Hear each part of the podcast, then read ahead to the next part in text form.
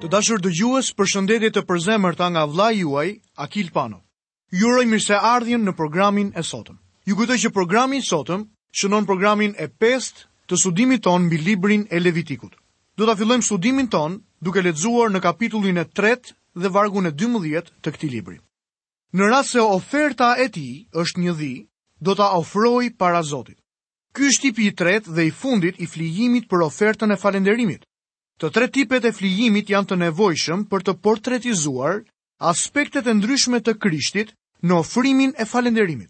Dhia përfaqëson identifikimin e plotë të Krishtit si mjaftueshëm për të hequr mëkatin e njeriut. Ai u bë mëkat për ne. Ky nuk është thjesht një pohim i këndshëm, por një fakt i vërtetë. Ai është zbutësi për mëkatet tona, që do të thotë se ai pagoi plotësisht për mëkatet tona. Krishti ishte gati të bëhej dhi për ty. Ai mori dënimin e plotë për mëkatin tim dhe tëndin. Ofrimi i tij për mëkatin prezantohet qartë tek libri i Hebrenjve kapitulli 10 nga vargjet 6 deri në vargun e 14. Rituali i ofrimit të saj ndjek modelin e atij të baktisë së trash dhe të imët. Lexojmë nga vargjet 13 deri në vargun e 17. Do të vërë dorën e tij mbi kokën e saj dhe do ta therë në hyrje të çadrës së mbledhjes. Pastaj bijtë e Aaronit do të shpërndajnë gjakun rreth e qark mbi altarin. Prej saj do të paraqesë si flijim të bërë me zjarr për Zotin, dhjamin që mbulon zorrët dhe tërë dhjamin që rri ngjitur me zorrët, të dy veshkat dhe dhjamin që është mbi to rreth ijeve. Por do të shkëpusë bulën e majme të mëlçisë mbi veshkat. Pastaj prifti do t'i tymosë mbi altar si ushqim. Është një ofertë e bërë me zjarr, me erë të këndshme. E tërë yndyra i përket Zotit. Ky është një ligj i përjetshëm për të gjithë brezat, në të gjitha vendet, ku do të banoni, nuk do të hani as yndyrë, as gjak. Këtu bëhen dy pohime që duhet të na bëjnë të ndalojmë për një çast. E tërë yndyra i përket Zotit. Dhe, nuk do të hani as yndyrë dhe as gjak. Këto dy pohime ndaluese janë me të vërtetë goditëse, për to flitet gjerësisht në ligjin e flijimit të falënderimit në kapitullin e shtatë. Arsyeja që ndalohej ngrënia e gjakut pohohet tek Levitiku kapitulli shtatëmbëdhjetë nga vargjet dhjetë deri katërmbëdhjetë dhe këtë do ta shohim më vonë në studimin tonë. Këtu na jepet arsyeja për të mos e ngrënë yndyrën. Yndyra i përkiste Zotit. Njeriut i kujtohet përsëri që ai shpengohej nga gjaku.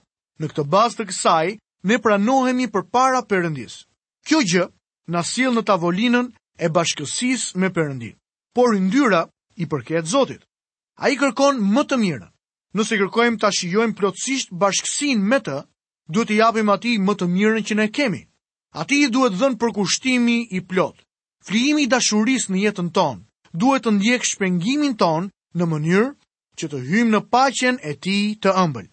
Ky është mesazhi që gjejmë tek Romakët kapitulli dymbëdhjetë, Gjoni kapitulli pesëmbëdhjetë dhe Filipianët kapitulli i tretë vargjet dhjetë deri në vargun e katërmbëdhjetë.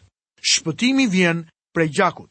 Shenjtërimi dhe shërbesa vijnë prej yndyrës.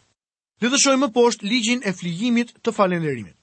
Ligji i flijimit të falënderimit jepet tek Levitiku kapitulli shtatë nga vargu njëmbëdhjetë deri në vargun e tridhjetë e tetë. Ky është edhe i fundit nga të gjitha udhëzimet për të pesë ofertat. Për këtë ligj flitet më tepër. Ne duhet të hyjmë në vlerën e ofrimeve të tjera para se të mund të shijojmë paqen e Perëndisë. Do ta shohim në imësi në kapitullin e shtatë.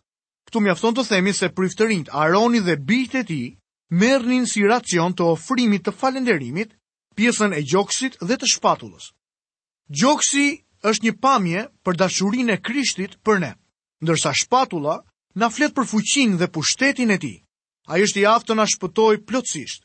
Ky është racioni ynë në Krishtin. A e dëgjon atë në ofrimin e tij të falënderimit? Ky është ofrimi i parë që nuk ishte erë të këndshme. Tre ofrimet me erë të këndshme prezantonin personin e Krishtit në të gjithë karakterin e tij të lavdishëm. Dy ofrimet me erë jo të këndshme prezantojnë punën e Krishtit në kryq për mëkatin. Flijimi i mëkatit flet për mëkatin si natyrë. Ofrimi i shkeljeve flet për mëkatin si veprim. Ju e kuptoni që njeriu nga natyra është mëkatar për shkak të asaj që bën. Ai bën atë që bën, sepse është mëkatar nga natyra. Disa tipare goditëse të flijimit të mëkatit e veçojnë atë nga ofrimet e tjera dhe e bëjnë të dallueshëm rëndësinë e tij. Së pari, për këtë flijim shkruhet më gjatë se për ndonjë ofrim tjetër, përderisa përshkrimi për të është dy herë më i gjatë se përshkrimi për secilin prej katër të tjerëve. Olokausti ishte 17 vargje, blatimi ushqimor 16, flijimi i falënderimit shtatëmbëdhjetë vargje, flijimi i shkeljeve nëntëmbëdhjetë vargje dhe flijimi i mëkateve tridhjetë e pesë vargje. Me sa duket, fryma e Perëndisë mendoi se kjo ishte shumë e rëndësishme. Së dyti, flijimi i mëkatit ishte një flijim tërësisht i ri. Deri në këtë kohë nuk lexohet për ndonjë flijim për mëkatin. Nuk ka ndonjë të dhënë të mëparshme për të në Shkrim. Asnjë vend pagan nuk kishte ndonjë gjë të ngjashme me të. Së treti, që nga koha e dhënies së ligjit, ai u bë ofrimi më i rëndësishëm dhe më domethënës. Njeriu ishte mëkatar që para se të jepej ligji, por në të vërtetë ishte ligji ai që e zbuloi atij se ishte mëkatar. Flijimi për mëkatin ofrohej gjatë të gjitha festave të Pashkës, Pentakostit, Burive dhe Tabernakullit. Ai ofrohej në ditën e madhe të shlyerjes së mëkateve. Ky ofrim e çonte kryepriftin tek vendi shumë i shenjtë. Së katërti, ky ofrim ndryshonte nga Holokausti edhe pse bëheshin në të njëjtin vend. Levitiku gjashtë njëzet e pesë na thotë, Folu Aaronit dhe bijve të tij dhe u thuaj atyre, Ky është ligji i flijimit për mëkatin. Në vend ku theret holokausti, të theret flija për mëkatin para Zotit. është gjë shumë e shenjtë. Aty ku mbaron Holokausti, fillon flijimi për mëkatin. Holokausti tregon se kush është Krishti, ndërkohë që flijimi për mëkatin tregon se çfarë bëri Krishti. Me Holokaustin Krishti plotëson kërkesat e standardit të lartë dhe të shenjtë të Perëndisë, ndërsa me flijimin për mëkatin, nevojat e thella dhe të pashpresa të njeriut. Tek Holokausti, shohim sa i çmuar është Krishti, ndërsa tek flijimi i mëkatit, shohim se si urrehet mëkati. Holokausti ishte një ofrim sipas dëshirës. Flijimi për mëkatin ishte një urdhër. Holokausti zbriti ndërsa flijimi për mëkatin u derdh. I pari u ngrit, ndërsa i dyti u zbrit. Le të shohim mëkatet për shkak të paditurisë. Lexojmë në Levitikun kapitulli 4, në vargun e parë dhe vargun e dytë. Zoti i foli akoma Moisiut, duke thënë, Folu bijve të Izraelit dhe u thuaj atyre, Në rast se dikush kryen mëkat nga padituria kundër çfarëdo urdhërimi, duke bërë diçka që nuk duhet të bënte.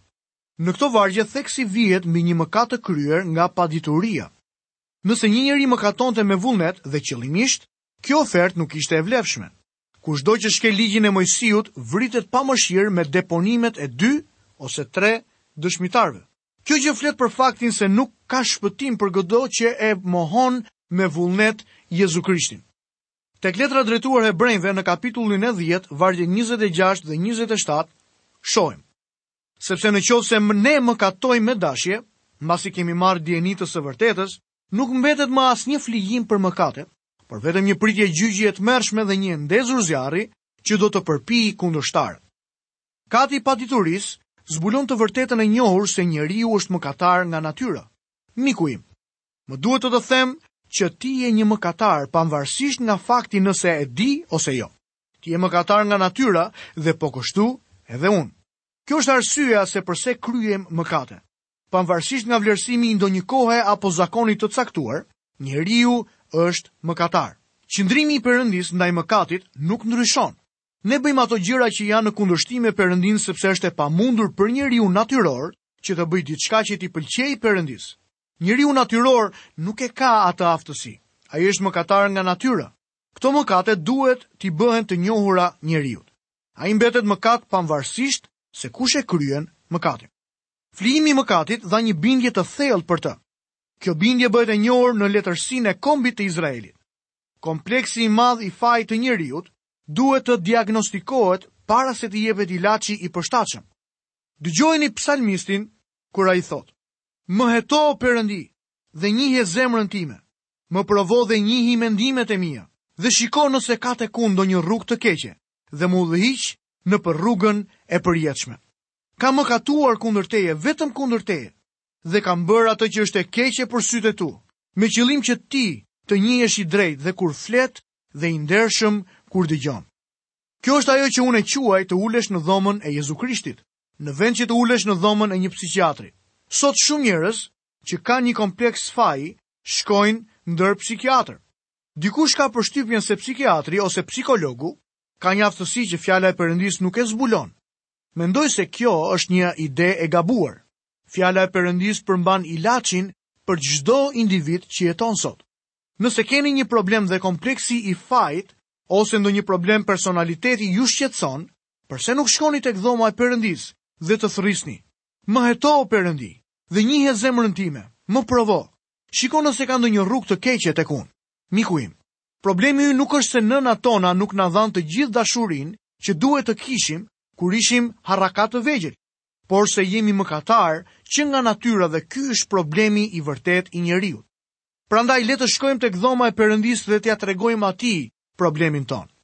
Mëkatet e paditurisë ishin veprime të kryera nga një person që në atë kohë nuk e dinte që ato ishin mëkate. Psalmi nëntëmbëdhjetë dhe vargu i dymbëdhjetë na thotë. Kush i njeh gabimet e tij, pastromë nga ato që nuk i shoh. Ne sot kemi shumë nevojë që t'i rrëfejmë Perëndisë se jemi qenie njerëzore mëkatare. Nëse mendoni se nuk keni ndonjë gjë të veçantë për të rrëfyer, atëherë rrëfe se kush je, një mëkatar. Një grup njerëzish mblidheshin rregullisht për t'u lutur dhe një prej tyre thoshte gjithmonë, Zot, nëse kemi kryer ndonjë mëkat, na fal. Të tjerët u lodhën me këtë formulë të vogël dhe dikush i tha, Përse nuk i tregon Perëndisë se çfarë mëkati është? Burri u përgjigj, Nuk e di se çfarë mëkati është. Drejtuesi i tha, Përse nuk mendon më mirë se çfarë mund të jetë? Dhe a e dini, hamendja e tij e parë ishte e drejtë. Ne duhet t'i rrëfejmë mëkatet tona Perëndisë. Nëse dikush mëkatonte nga padituria, nxitimi ose padashje, Perëndia siguronte përçlirimin e tij. Ai krijoi qytetet e strehimit. Perëndia ka një strehë edhe për ty miku im. Ai ka një ilaç për ty. Shikoni se çfarë thotë apostulli Gjon në letrën e parë, kapitulli i dytë dhe vargu i parë. Djema të mi, ju shkruaj këto gjëra që të mos mëkatoni. Edhe në qoftë se ndokush mëkatoi, kemi një avokat tek Ati, Jezu Krishtin, të drejtin. Pali apostull shpjegon arsyen se ai ishte kryemëkatari dhe përsëri fitoi mëshirë. Ai ishte blasfemues, persekutues dhe lëndues, por ai fitoi mëshirë sepse ai veproi me padituri në mosbesimin e tij.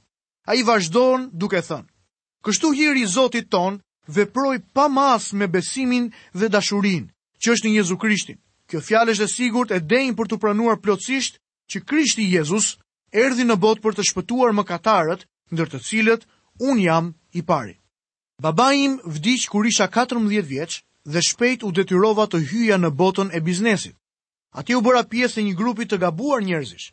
Bëja gjërat që i bënte një njëzet e pesë vjeçar, ndërkohë që isha vetëm gjashtëmbëdhjetë vjeç. Nuk po nxjerr një justifikim, por në atë kohë nuk e dija sa e keqe ishte kjo gjë. Pastaj erdhi dita kur pranova Krishtin dhe që nga ajo ditë deri tani, hedh vështrimin nga prapa dhe e urrej veten për atë që bëra. Lavdi Zotit që ka një flijim për mëkatin. Krishti vdiq për mua që unë të mund të shkoj dhe t'i flas Zotit për këtë. Nuk kam nevojë të zvarritem për në dhomën e dikujt dhe t'i tregoj. Atij nuk i përket aspak kjo gjë, por sigurisht që i takon Perëndisë dhe unë duhet t'ia tregoj atij. Ai më fal sepse u kujdes për të gjitha mëkatet e mia në kryq. Flijimi i mëkatit na mëson se duhet ta shohim veten ashtu siç na sheh Perëndia. Kjo gjë na bën të ndërgjegjshëm për mëkatin, na tregon se sa të pavlerë jemi e në të njëjtën kohë na tregon për sigurimin e Perëndisë. Lexojmë në Psalmin 32 dhe vargu i 5. Para teje pranova mëkatin tim, nuk e fsheha paudhësinë time. Thashë, do t'ia rrëfej shkeljet e mia Zotit dhe ti e ke falur paudhësinë e mëkatit tim. Kjo gjë e largon kompleksin e fajit nga ne. Flijimi i mëkatit tregon se sa i pamjaftueshëm është ai vetë. Ti nuk kënaqesh as me flijime dhe as me oferta. Më ke shpuar veshët. Ti nuk ke kërkuar as holokauste, as flijime për mëkatin, thotë psalmisti në kapitullin e dyzet të Psalmeve dhe vargun e gjashtë. Ai tregonte rrugën për te kënaqësia e përsosur e Perëndisë për mëkatin dhe faljen e tij. Në letrën drejtuar Hebrenjve shkruesi tregon në kapitullin e dhjetë, vargjet nëntëmbëdhjetë deri njëzet e dy, Duke pasur pra, o vëllezër, liri të plotë, për të hyrë në shenjtërore me anë të gjakut të Jezusit, me anë të një udhe të re dhe të gjallë, që ai përuroi për ne me anë të velit, domethënë të mishit të tij, dhe duke pasur një kryeprift mbi shtëpinë e Perëndisë, Le t'i afrohemi me zemër të vërtetë, me siguri të plotë besimi, duke i pasur zemrat tona të lara prej ndërgjegjes së ligë dhe trupin të larë me ujë të kulluar. Tani unë dhe ti si mëkatarë mund të vijmë me guxim në praninë e Perëndisë. Përse? Sepse Jezusi është flijimi ynë i mëkatit, madje edhe për mëkatet e paditurisë. Mëkati nga padituria na sjell në një tjetër anë të drejtësisë së Perëndisë dhe paanësisë së tij të padiskutueshme kur trajton çështjen e njeriut. Perëndia do ta trajtojë njeriun me drejtësi. Do të ketë dënime në shkallë të ndryshme, ashtu siç do të ketë edhe shpërblime në shkallë të ndryshme. Shkalla e përgjegjësisë bëhet e njohur gjithashtu tek flijimi i mëkatit, ashtu siç do të shohim në klasat e ndryshme të njerëzve që konsiderohen këtu. Tani le të shohim se çfarë libri i Levitikut flet për mëkatet e priftit. Lexojmë në kapitullin e katërt dhe vargun e tretë. Në rast se mëkaton prifti që ka qenë vajuar, duke e bërë kështu popullin fajtor, t'i ofrojë Zotit për mëkatin e kryer një dem të vogël pa të meta si flijim për mëkatin. Mëkati i priftit trajtohet i pari sepse ai ishte një drejtues. Nëse ai gabonte edhe njerëzit gabonin. Mëkati i tij ishte mëkati i tyre. Si ishte prifti, ishin edhe njerëzit. Ai duhet të sillte si ofrim një dem të vogël. Kafshën më të vlefshme nga të gjitha. E shihni se pozita e atij që mëkatonte përcaktonte dhe tipin e kafshës për flijimin e mëkatit. Mëkati i tij nuk ishte ndryshe, por përgjegjësia e tij ishte më e madhe. Edhe sot është e njëjta gjë. Jakobi në kapitullin e katërt dhe vargun e shtatëmbëdhjetë në letrën e tij na shkruan, Ai pra që di të bëjë të mirë dhe nuk e bën, bën mëkat. Vëllezër të mi, mos u bëni shumë mësues, duke ditur se do të keni një gjykim më të ashpër. Kërkon të jesh predikues, kjo të bën të kesh më shumë përgjegjësi. Kërkon të këndosh një këngë vetëm, kjo të bën të jesh më përgjegjës. Kërkon të jesh dhjak ose punëtor në kishë, apo mësues në shkollën e së dielës. Atëherë ke më shumë përgjegjësi se kushdo tjetër. Privilegji bart me vete edhe përgjegjësi dhe Perëndia vetë do të mbajë në atë përgjegjësi. Sigurisht që kjo gjë tregohet mjaft qartë këtu. Shprehja duke e bërë kështu popullin fajtor vë në dukje përgjegjësinë e Priftit. Ai ishte një qenie njerëzore dhe tundohej njësoj si pjesa tjetër e kombit. Tek Letra drejtuar Hebrenjve kapitulli shtatë dhe vargu njëzet e tetë shohim. sepse ligji vë kryepriftërinj njerëz që kanë dobësi. Në këtë pikë ka një ndryshim radikal mes Krishtit, kryepriftit tonë, dhe priftërinjve sipas urdhrit të Aronit. Sepse ne nuk kemi kryeprift që nuk mund t'i vi keq për dobësitë tona, po një që u tundua në të gjitha si ne, por pa mëkatuar, vijon shkruesi në letrën e Hebrenjve kapitullin e katërt dhe vargun e pesëmbëdhjetë. Tani le të lexojmë vargun e katërt të kapitullit të katërt të librit të Levitikut. Do ta çojë demin e vogël në hyrje të çadrës së mbledhjes përpara Zotit. Do të vërë dorën e tij mbi kokën e demit të vogël dhe do ta therë demin e vogël përpara Zotit. Ky është rituali për flijimin e mëkatit. Në këtë pjesë të ritualit ka ngjashmëri me holokaustin. Lexojmë vargjet pesë deri në vargun e shtatë. Pastaj prifti që ka qenë vajosur do të marrë gjak nga demi i vogël dhe do ta çojë atë në çadrën e mbledhjes. Prifti do të ngjyjë gishtin e tij në gjak dhe do të spërkasë pak nga ky gjak shtatë herë para Zotit, përballë velit të shenjtërores. Pastaj prifti do të vërë pak nga ai gjak mbi brirët e altarit të temjanit të parfumuar para Zotit, që ndodhet në çadrën e mbledhjes, do të derdhë mbetjet e gjakut të demit të vogël mbi bazën e altarit të holokausteve që ndodhet në hyrje të çadrës së mbledhjes. Spërkatja e gjakut shtatë herë para velit siguronte marrëdhënien e Perëndisë me shkelësin. Të vendosje pak nga gjaku mbi brirët e altarit të temjanit, vendi i lutjes, ishte si t'i jepje përsëri shkelësit privilegjin e adhurimit. Pranimi që na bën Perëndia dhe adhurimi që i japim ne atij varen nga gjaku i derdhur i Jezu Krishtit. Çfarë thotë Gjoni te kapitulli i parë në letrën e parë dhe vargun e nëntë? Po t'i rrëfejmë mëkatet tona, ai është besnik dhe i drejtë, që të na falë mëkatet dhe të na pastrojë nga çdo paudhësi. Dhe më poshtë shkruesi i letrës së Hebrejve në kapitullin e nëntë dhe vargun e njëzet e dy vijon, Dhe sipas ligjit, gati të gjitha gjërat pastrohen me anë të gjakut, dhe pa derdhur gjak nuk ka ndjesë. Pjesa tjetër e gjakut derdhej në fund të altarit të bronztë. Kjo kënaqte ndërgjegjen e mëkatarit dhe hiqte prej tij kompleksin e fajit. Ky ishte ilaçi për bindje, për mëkat dhe i vetmi ilaç që mund të kënaqte mendjen dhe zemrën. Miku im, e rëndësishme për ty është që të kuptosh se kur Krishti të fal mëkatin, ai të fal edhe ty. Asgjë tjetër nuk mund të thuhet më tepër mbi këtë çështje. Ai e ka hedhur mëkatin tënd në fund të detit. E ka larguar atë aq larg sa ç'është lindja nga perëndimi. E ka hequr që as ai të mos e kujtojë më. Jezusi e zgjidhi çështjen e mëkatit.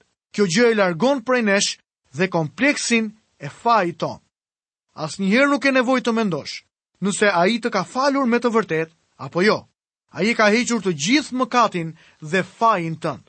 Të gjithë. Kur shkon te Krishti dhe e sheh atë, do të zbulosh se Ai mjafton. Të dashur dëgjues, këtu kemi mbërritur dhe në fundin e programit të sotëm. Dua t'ju kujtoj që studimin e kapitullit të katërt të librit të Levitikut do ta vazhdojmë në programin tjetër. Deri atëherë, nga vëllai juaj Akil Pano, keni të gjitha bekimet dhe paqen e Perëndisë në jetën tuaj. Bashkë mirudëgjofshim.